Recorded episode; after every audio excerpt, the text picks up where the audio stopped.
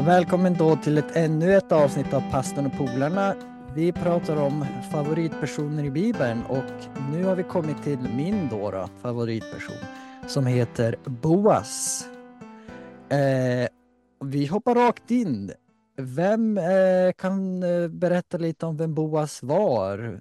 För någon som inte har hört det och varför är han liksom känd kanske? Vem var han? Ordet fritt. Ja, Anton, det är din favoritperson. Jag har just läst Vetekartan idag, just om Boas. Det var många, många år sedan man läste om Rut och Boas. Um, om man skulle kunna hårdra det så är han ju, vet det. Nej, men alltså, ja, nej, men Rut är väl kanske mer känd, kanske för flera i Bibeln. Det är ju en kvinna, men hon har en egen bibelbok uppkallad efter sig som är ganska kort fyra, fyra eller fem kapitel. kan man läsa på en, på en kväll. Eh, och hon är också känd för liksom bland annat att hon är med i Jesus stamtavla, släkttavla som en av få kvinnor. Eh, och sådär. Men det är inte Rut som vi ska prata om utan det är Boas. Nej, jag tänkte bara Eh, Boas var ju en rik bonde. Kan vi börja där i alla fall? Precis, lantbrukare, rik sån också, eh, ska man ju kanske tillägga också. Det var en bra generalisering faktiskt. Det ska jag komma på nästan. Ja, kanske, många var ju bönder på den tiden, men många var också fattiga. Men ja, vi kan nog säga att han var en storbonde i alla fall. Och verkar haft gott rykte. Ja, han hade också gott rykte. Det står ju mäktig man. Ja, precis. Mäktig man. Eh, och det verkar lite när man läser Ruts bok som att när eh, mot slutet så möts de, eh, Boas och några andra i stadsporten. Och när de möttes i stadsporten så var det som att de möttes på, eh, liksom, eh, ja, vad ska man säga, det var en hög politisk eh, plats eller där man bestämde så han hade makt, han var känd, eh, han var rik, eh, han hade arbetare. Man kan nog också säga att han var en företagare med, med tanke på att han hade många liksom, folk som jobbade åt honom på de här fälten. Vad mer kan vi säga? En oerhörd gentleman det är nog inte många bönder, om man tänker på Bibelns tid överlag, att bönder, även om de var rik eller inte, så tänker jag de är nästan samma kategori som fiskare, alltså lite ruffiga i kanten, sådana saker. Men när man läser om Boas, hur han behandlade Rut till exempel, att han lät henne gå ut på fälten utan att, utan att hon hade risk för sig att vet du, bli ja, men, antastad eller vad som helst som var vanligt på den tiden, utan han beskyddade henne när hon var ute och gick. Eh, det tycker jag är rätt säreget för just en bonde. Och det är väl därför som vi pratar om honom idag. ja, för vi pratar ju egentligen om manlighet. Det är det som är temat kan vi säga. För Boas, när man ser på det lite noggrannare så är det ju ett enormt bra exempel på, på man, en, en, en, en, en bra manlighet. Eh, men vi börjar kanske där Simon, där du sa, vad gjorde han, eh, vad var liksom det mest, ja vad gjorde han med Rut då? Hur, hur, för, hur, om vi tar lite kontext där. Nej men det börjar i kapitel två där. Att, vet du, att, att Rut börjar plocka ax i Boas fält. Att det är så hon lär känna honom, att det är så han kommer in i historien. Ja. Vill någon tillägga? Han, han börjar med att säga Herren vare med er. Precis, och det visar ju på att han var ju eh, alltså gudstroende och på det också. Det är inte alla bönder som är det heller. Så han eh, trodde på Gud och levde det livet liksom. Det ska vi också tillägga. Eller tänkte du något mer Sebastian med, med det? Alltså han, han lägger märke till Rut. Uh, nej, han, han lägger märke till Nomi väl, på, på direkten. Uh, så, men, uh, men han är väl inte, om man tänker den här tiden och hur, hur han ska kunna hantera situationen så, så kommer väl det här gentlemannafasonerna fram här på direkten. Hur då? Att, att han uppmärksammade kvinnan liksom? Ja, han uppmärksammar henne men han, han verkar ju på något vis ta henne under sina vingar och, och, och, och vill, vill på något vis beskydda henne, vill att det ska gå bra. Alltså han, han är inte ute efter att utnyttja henne. Uh, nu vet jag ju inte, nu, nu kanske inte för sig kom, kommer fram om hon var en väldigt uh, vacker kvinna, att, att, liksom att alla la, la märke till henne, men, men han, han ju för henne, men, men ha, hans inställning är liksom att han Eh, vill att det ska gå bra bra för henne och vill beskydda henne. Ja, och tar man det på den tiden så är det ett ganska stort eh, eh, socialt eh, liksom, eh, ja, men man, att han brydde sig om kvinnan och liksom lyfte upp henne, det, det är stort i det, i det samhället att göra så på den tiden. Jag frågar, var han intresserad i var han intresserad i hon för första ögonkastet? Eller var han en gentleman? Bara schysst liksom. Ja, vi kan nog anta att han, att han tyckte att hon var lite het i alla fall, annars kan jag inte uppmärksamma hon, kan jag tänka. det tänker jag också, liksom, man frågar ju på direkt, vem är den unga kvinnan där borta? Nathanael, du tänkte något? Ja, jag tänkte lite på det här att hon var ju en invandrare egentligen kan man ju säga. För hon var ju från Moab. Exakt. Det är också lite intressant eh, för att eh, han var ju israelit och, och de var ju ganska, på den tiden var det ju ganska viktigt att, eller viktigt, de umgicks ju mest med, med israeliter och, och så. Så det var ju väldigt intressant att han inte bara, jaha, hon är från Mo Moab. Då liksom, ja, ja, får hon väl sköta sig själv liksom. För hon uppmärksammar ju det också. Hon uppmärksammar det också, bara varför är det så schysst mot mig? Jag är ju inte ens härifrån.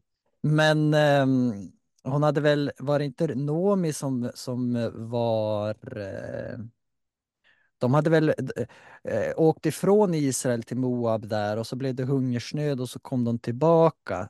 Men det är ju som du säger att eh, det var starka gränser mellan folk, eh, mm. slag och sådär, moabiter och israeliter. Och moabiterna var ju israeliternas fiender liksom i århundraden innan. Så det, det, det är en viktig detalj som, som, som är där.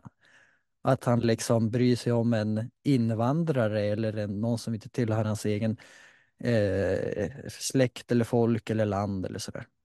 Eh, ja, vi, vi, var var vi? vi var, han, och han tar ehm, eh, liksom att Rut får gå dit och plocka ax på hans åker. Eh, nej, det var ju som i... Och så säger han att du måste ju bara plocka på min åker för att eh, det är här man får ax och här kan du känna dig trygg. Det är här man får ax. Om inte det är en raggningsreplik, då vet jag inte vad. Faktiskt.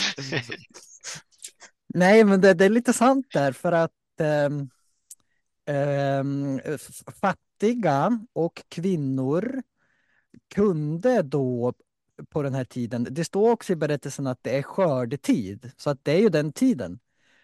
Och under mm. den här tiden så var det liksom, det fanns en, en, en allmän, eh, ska man säga, regel eller så att, att fattiga och kvinnor och sådana, de som inte ägde sitt eget jordbruk, de kunde gå efter de här skördarbetarna när de hade plockat allting och liksom plocka upp rester av det som var kvar. På den tiden var det inget modernt jordbruk, då tog man ju för hand och ja, men du vet, tappa, det var inte, man spillde och det var liksom lite sådär och lite sådär. Men man, då kunde man gå efteråt och det var liksom allmänt accepterat att, att det var så. Men det var ju riskabelt för kvinnor att gå själv ute på fälten, kanske på kvällarna, för att de här skördemännen, de drog ihop sin skörd och så i, i, i, det var all, de vaktade den ju på nätterna eh, där de var. Så att kom det någon liksom ut i mörkret och en kvinna var ensam där, det, det var inte, ja, liksom, det var på den tiden att även kvinnor inte skulle vara ute ensamma på kvällarna. eh, och, så, och precis som du säger där, att plocka ax här på min åker, för här kan du känna dig trygg. Och var det inte så att Boa sa till och med åt sina arbetare att lämna lite extra kvar bara för att vara lite så här, ja men låtsas och lämna lite kvar bara så att de kan få lite extra. Det visar ju lite karaktär hos Boas också. Och det här, eh, alltså det här, att han var, var beskyddande och så till att hon skulle ha det bra var också i eh, vers 9 eh, när han säger att hon ska hålla sig till hans åkrar och, och, och, och hans tjänstekvinnor. Så säger han, jag har sagt till mina män att lämna dig i fred. Tänk vilken, vilken, vilken, vilken ledare där han var liksom som chef och sa till sina arbetare att nu, nu liksom, han måste haft ganska mycket liksom pondus. Ja, och så det är att han, han behandlar ju hon som en av sina arbetare liksom. Hon fick mat eh, när de skulle äta och, och vatten när hon var törstig och sånt där. Det är också väldigt eh, eh, omtänksamt. För våra lyssnare här sen så vill jag bara poängtera att vi, när vi pratar om just Bibeln, ni som inte har hört Bibeln till exempel speciellt ofta, eller kanske är ny på det, så är, det, så är det ovanligt i bibliska tider att behandla kvinnor på det här sättet. Det är inte så att vi blir förvånade över att Boas behandlar en kvinna som en människa, utan i kontexten så är det väldigt enastående. Bara så att vi kan understryka det. så, I och med att det är så, det, man blir så förvånad när man läser, just, när man läser Bibeln många gånger i i hur folk blir behandlade när man pratar om vanliga människor och saker, för det var en annorlunda tid. Men boa speglar mycket det som vi, alltså som man, som man vill uppnå idag. Alltså modernare, vet du det, ska man säga, ideal. Men alltså gammeldags men moderna på något sätt. Och det, jag tycker, nej, jag tycker, jag tycker att det är riktigt enastående. Precis, för det han gjorde på den tiden är ju liksom ideal kanske som, som, vi, som vi strävar efter idag när det gäller manlighet. Alltså att man ska, man ska liksom be, beskydda kvinnor och se till att de inte blir utnyttjade, behandla dem lika. Eh, ja, men allting sånt där. Så ja, alltså hans beteende, attityder och eh, värderingar skulle vara passar väldigt bra in i dagens moderna samhälle liksom. Och det är en frisk vind nu också. Jag vet inte riktigt hur mycket ni följer Instagram. Eh, I alla fall det jag följer är lite, kan vara lite märkligt ibland, men jag har ju sett den här. Har ni hört om Andrew Tate någon gång? Ja, det är, som, det är en fräsch, det är en fräsch vind när det kommer in när man läser i, om en manlig, veteran, alltså manliga förebilder som inte är Andrew Tate. Att det blir som en, frä, alltså en, en, en fräsch fläkt från någonting som är så otroligt gammalt liksom. För Andrew Tate till exempel pratar mycket om gammeldags, alltså ide, gammeldags ideal och vet hur man ska vara, hur män var förut, att man måste gå tillbaka till det. Men om man kollar Bibeln och går tillbaks ja, flera hundra, eller flera, nästan 2000 år, mer, 3000, att han vet att det inte alls är så. Alltså det, de här idealen som vi står för idag finns fortfarande flera tusen år innan. Men då skickar vi väl med till Andrew Tate och hans eh, anhängare kanske att läs, läs Rut, men, men läs också om Boas och, och, och se det, för det är en, eh, en helt annan maskulinitet, norm kan man väl säga som, som eh, man kan se där. Och det är ganska starkt tycker jag. För idag är det ju mycket snack om så här toxisk maskulinitet och sådana normer som eh, eh, för unga män in till våld och kriminalitet och allting sånt här. Men det här Boas exempel är något helt annorlunda. Liksom. Man kan ju kanske säga att han eh, alltså han var ju en gudsfruktig man visade sig och eh, kanske egentligen sättet han behandlade henne på var mera så som eh, från, alltså så som Gud ser på, på människor, lika behandling, eh, alltså att det här som vi försöker uppnå idag, det är ju mera originalet så att säga, men, men det är ju också eh, jag skulle ändå säga att det är ju hans, det är ändå på något vis hans tro som gör att det är en självklart för, självklarhet för honom att behandla henne på det här viset. Och då kan man ju ta i förlängningen att han har en väldigt, eh, väldigt bra eh, bild på Gud också. För hans gudsbild, eller vår gudsbild som vi har, präglar ju också vår syn på andra människor. Och eh, kanske speciellt mäns syn på kvinnor. Eh, eh, ännu mer specifikt. Så ja, det hör ihop. Har du liksom en bra gudsbild och ja, men om Gud är våldsam, om Gud är sträng eller om du tror på det, då är det ju lätt att du blir så och behandlar andra så. Alltså det är, det, det, det är väldigt mycket så. Kan vi säga något mera eh, om Boas? Jag tänker på lite längre fram i berättelsen så står det om att, om att eh, Rut lägger sig nere vid eh, fotändan av eh, hans säng när han har gått och lagt sig för att sova. Och jag tänker där visar han också väldigt stark integritet. Det hade varit ganska lätt för honom att utnyttja henne när det, det blir nästan en, en intim eh, handling. Men, men han utnyttjar inte henne där. Någonting som hade kunnat bli det låter han vara för att eh, han inte är gift med henne och han och han, vet det, och han vet om det och tänker inte göra någonting för att förstöra det heller. För då hade han ju också, om man kollar i biblisk kontext, inte förstört henne, men det hade ju varit en, det hade, inte, det hade ju varit, blivit en skam för henne också. På det. Alltså, och det vill inte han dra över henne heller. Då fortsätter vi, för efter det så inser ju både, alltså både Rut och Boas att Rut, eller Boas är ju den, alltså eh, den släktingen som kan liksom eh, föra Ruts eh, eh familj och framtid vidare. För det var ju så att liksom, det var släkten som förde, man förde vidare. Och hon hade ingen levande släkting så hennes Eh, namn och, och, och, och, och linje skulle dö ut. Men Boas hade eh, en möjlighet till det här. Eh, och men då helt plötsligt så visar det att det fanns en annan kille som var, när som skulle, som var närmare och skulle få liksom, ta, ta hand om Rut före Boas i, i den här rangordningen då som fanns. Som, och han, den personen kallade, det står bara att han, Eh, ingen namn eller någonting, det står bara att det är en person.